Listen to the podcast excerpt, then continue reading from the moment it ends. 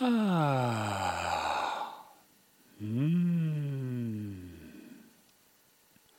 Vi er i gang med nok et flåseri. Jeg er Stemmen. Og jeg har med meg her i store studio Hjernen. Hjernen er, som eh, de lytterne som har fulgt med oss en stund, ikke i stand til å snakke.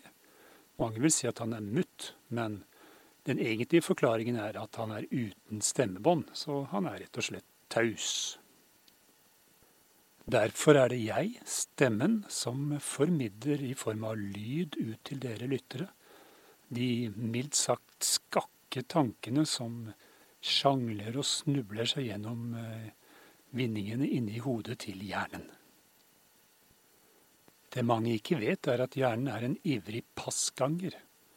Han er faktisk en helt utmerket passganger av øverste klasse, og formann i eh, Skandinavisk Passgangerforbund. Nå vil han gjerne slå et slag for passgang, som han syns er altfor lite utbredt i samfunnet. Det er svært sjeldent at han får øye på noen som går passgang i gatene rundt omkring i Norge i dag. Slik kan det ikke fortsette, mener hjernen. Passgang er en mye mer elegant måte å gå på, syns han da, og ser mye mer stilig og elegant ut enn den normale ganglaget som folk har. Passgang i berusa tilstand kan faktisk føre til at folk går mye rettere enn vanlig. Dessverre er det veldig få nordmenn som kjenner til det norske passgangakademiet oppe i Pasvikdalen. Der fins det en 16-årig grunnutdanning i passgang. Det fins også påbyggingsår, f.eks. innenfor idrett. Du kan ta en tilleggsutdanning på sju til ti år, der du blir veldig dyktig i eh, forskjellige passidretter. Passgangsidretter, passløpsidretter osv. Den mest utbredte passidretten per i dag er passkappgang. Det er jo ganske naturlig i og med at det allerede er gange i stort tempo, eller høyt tempo. Og med å innføre passgangstilen kan man faktisk gå enda fortere og med langt lengre steg enn det som er vanlig i de vanlige kappganglekene. Folk ser litt underlige ut, for de tar så rare, korte steg og vrikker på rumpa. Vi trenger ikke ha sånn rumpevrikking hvis vi går over til passkappgang istedenfor. Passløping er for viderekommende. Du må først eh, beherske kunsten å gå passgang i sakte tempo, for så å øke på og gå fortere og fortere, til du får den rett med rytmikken inn i kroppen. I passløping må du jo bevege kroppsdelene mye raskere enn i pass kappgang. Og ergo er det litt mer trening som skal til før eh, teknikken sitter. Det kan da være lurt å begynne med lange løp, fordi der springer man ikke så veldig fort. Det er mer snakk om å holde driven i gang over lang tid, slik som maraton. Det er dog mer belastende på lemmene enn de kortere løpene, og det kreves mye utholdenhet for å klare en full maraton i, i passløp. 3000 meter passløp kan være bra distanse å starte med, og deretter kan du gå ned til 1500 meter, 400 meter osv. 100-meteren er jo ekstremt krevende i passløping. Der er det virkelig de aller beste og hurtigste som i det hele tatt er i stand til å klare å gjennomføre med den teknikken. Så det er en meget avansert løpssport. Passkigang er derimot ikke så avansert som det høres ut til. Eh, Iallfall ikke når det gjelder klassisk gange. Så klassisk eh, passkigang er noe kan anbefales alle å prøve en eh, god vinterdag. Lange, glidende tak på eh, rette strekninger hvor det er flatt, er en, en god begynnelse. Men da har vi snakk om eh, klassisk skigang, og ikke skiskøyting, som er en betydelig mer vanskelig teknikk å, å gjennomføre i passutførelse. Passkiskøyting er meget vanskelig. Men det er ikke bare inn i løp og, og gange at uh, passmetoden kan benyttes med stort hell. Du kan f.eks. tenke deg at tilløp til uh, lengdehopp eller høydehopp også kan utføres med passteknikk. Det som kalles passhopp. pass-hinderløp er derimot for de mer avanserte og viderekommende av oss. En sportstype som nå er under utredning, er faktisk lagsporter. Eh, man kan tenke seg da fotballkamper i passutførelse, der alle passløper og passgåer. Og håndballkamper også, i pass. Det er litt vanskeligere i og med at man bruker armene i større utstrekning til å føre ballen i den sporten. Men innen fotball bør det absolutt være mulig å gjennomføre, og kan faktisk ifølge hjernen tilføre sporten en helt ny dimensjon. I hvert fall rent estetisk. Bare se for deg Erling Braut Haaland i fullt firsprang, med nese og teft for målet, styrte framover i vill passløp med ballen sprettende foran seg, før han klinker til og plassere ballen opp i høyre kryss. Helt utagbart for passmålvakten. La oss ta det en gang til i sakte kino. Han får en nydelig pasning rett over midtbanen på motstandernes halvdel. Beveger seg framover med ballen med armene parallelt med beina i bevegelse. Venstre arm sammen med venstre fot fram, høyre arm sammen med høyre fot fram og dribler seg på denne måten forbi motstanderne og gjennom hele feltet, ut på kanten av motstanderens 16 meter, vender i passgang og klinker til inn i høyre hjørne. Ballen dibber ned og tar akkurat inn i krysset. Målvakten som ligger strekt ut i eh, full kroppslengde, forgjeves strekkende etter ballen. Og deretter Jubelbrølet. Skåring. Norge 1. Kroatia 0. Hurra! Hjernen vil gjerne påpeke også her i denne sammenhengen at den elskede dyrearten ulv visstnok er en meget dyktig passganger. Og han tror at flodhester også med fordel kan utnytte den gangteknikken med stor eleganse. Og god fremdrift. Ah. Er det forresten noen som vet hvor i Norge Sarpsborg ligger? Hjernen er eh, mektig irritert over nyhetsopplevelsernes kleinspråk som de har utviklet de siste årene. Kleinspråk er en egen sleivete måte å uttale stedsnavn på i norske nyhetsopplesermiljøer. Slik at Sarpsborg er blitt det nye navnet på det som antagelig er ment å være Sarpsborg.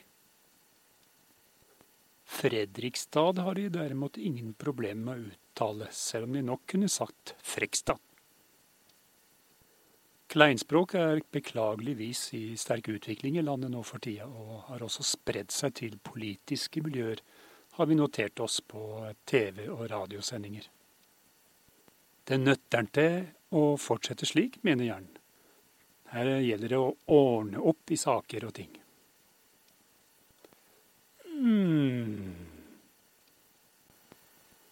Hjernen har kommet inn i undergangsalderen.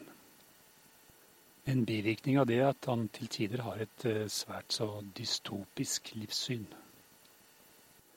Denne dystopien gir seg utslag i langvarig hjernedødhet og perioder med komatøs tilstand. Heldigvis har jeg fått rykka han ut av denne her dystre tilværelsen og klart å få hjernen hans over på en litt lysere tankebane.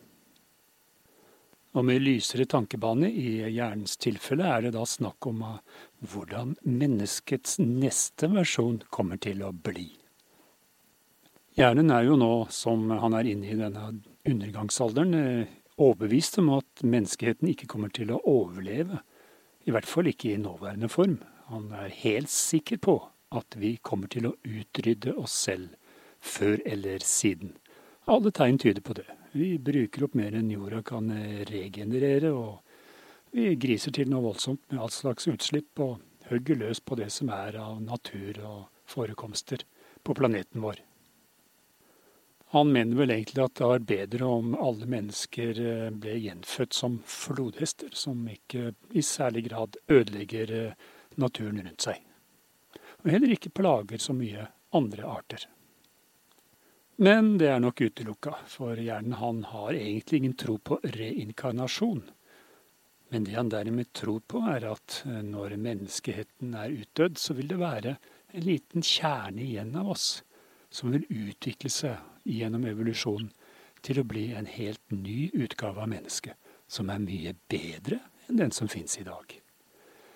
Hjernen tror i sine villfarelser at neste generasjon mennesker ikke vil ha noe særlig til kropp eller lemmer, men rett og slett bare bestå av en hjerne. Denne hjernen har da, slik som hjernens hjerne er i stand til, evnen til å kommunisere telepatisk med andre hjerner. Eh, og det kan også da ha et indre liv, der rett og slett fantasi og tanker kan spille en slags liv et virtuelt liv inni hodene på hver enkelt eh, individ. Dette vindre livet kan være like virkelighetstro som et eh, vanlig, ekte liv som vi lever i dag.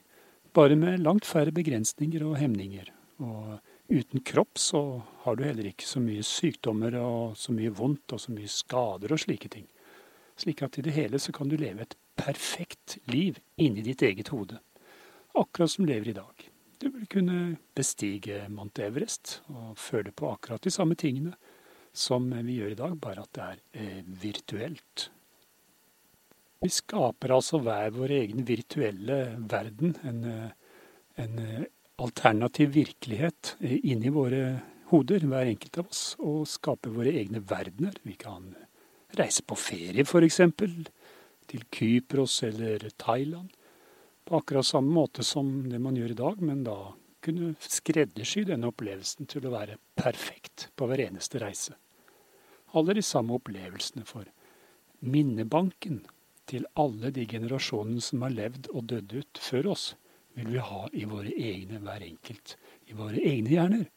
Slik at vi faktisk kan oppleve alt som alle mennesker noen gang har opplevd på jorden i alle tider.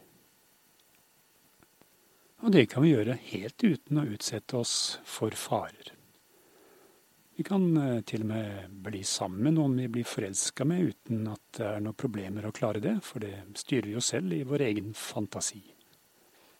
Da spiller det jo ingen rolle at det er ubesvart kjærlighet, for du kan bare snu det om til besvart kjærlighet i din egen hjerne. Perfekt tilværelse. Det kan også arrangeres alle mulige slags idrettskonkurranser, akkurat som i dag, eh, men uten at man trenger å bygge alle disse store idrettsanleggene og dermed ødelegge naturen. Det kan være f.eks. Eh, OL i eh, passkappgang, på samme måte som vi arrangerer dette nå for tiden. Og vi kan da bo akkurat som vi vil, uten at du trenger å sette opp en eneste bygning. Du kan reise som du vil og kjøre bil uten at det er en eneste bil eller vei konstruert. En virtuell virkelighet, det er fremtiden, og bare hjerner. Og hjerner er jo såpass fysisk eh, sett såpass små at de ikke trenger så mye næring heller, og dermed ikke tapper så veldig mye av jordas ressurser for å overleve. Hjernen ser for seg at hver enkelt hjerne absorbere den næringen den trenger for å leve, fra luften og det som fins av mineraler og partikler og fuktighet osv. i luften. Så der har du altså hjernens fremtidsvisjon, basert på hans tilværelse i undergangsalderen. Om det blir virkelighet eller ikke, det vil nok ikke så mange av oss få se, i og med at vi skal dø ut, eh, hvis visjonen til hjernen skal eh, realiseres. Og hvis mennesket dør ut, så er det jo en eh, mye større mulighet for at eh, planeten Jorden overlever og fortsetter å blomstre, istedenfor å forvitre, slik den har gjort i stor grad mens mennesket har herjet rundt på kloden.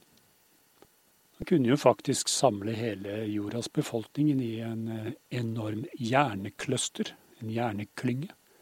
Si at det er eh, si, seks-sju millioner hjerner da, som er samla i et bestemt område på jorda, slik at det ikke opptar så stort fotavtrykk. Det kunne jo være stabla i høyden, f.eks. i små, små rom, som en slags postbokssystem. Dermed så vil det ikke gjøre så stor innvirkning på den fysiske verden i det hele tatt. En god pekepinn på at det går i den retningen, er jo de stadig mer realistiske dataspillene og virtuell virkelighetsbrillene og slikt som man kan ta på seg. Jeg kan tenke også at i en overgangsfase så vil denne her funksjonen bli operert inn i form av kontaktlinser, der du kan spille av alle mulige slags scener og spill og reiser akkurat når du vil. Og når vi har kommet så langt, så trenger vi da egentlig den fysiske tilværelsen lenger? Og trenger vi annet av kropp enn selve hodet? Nei, neppe. Det er rett og slett strålende fremtidsutsikter for eh, mennesket på jorden. Ah.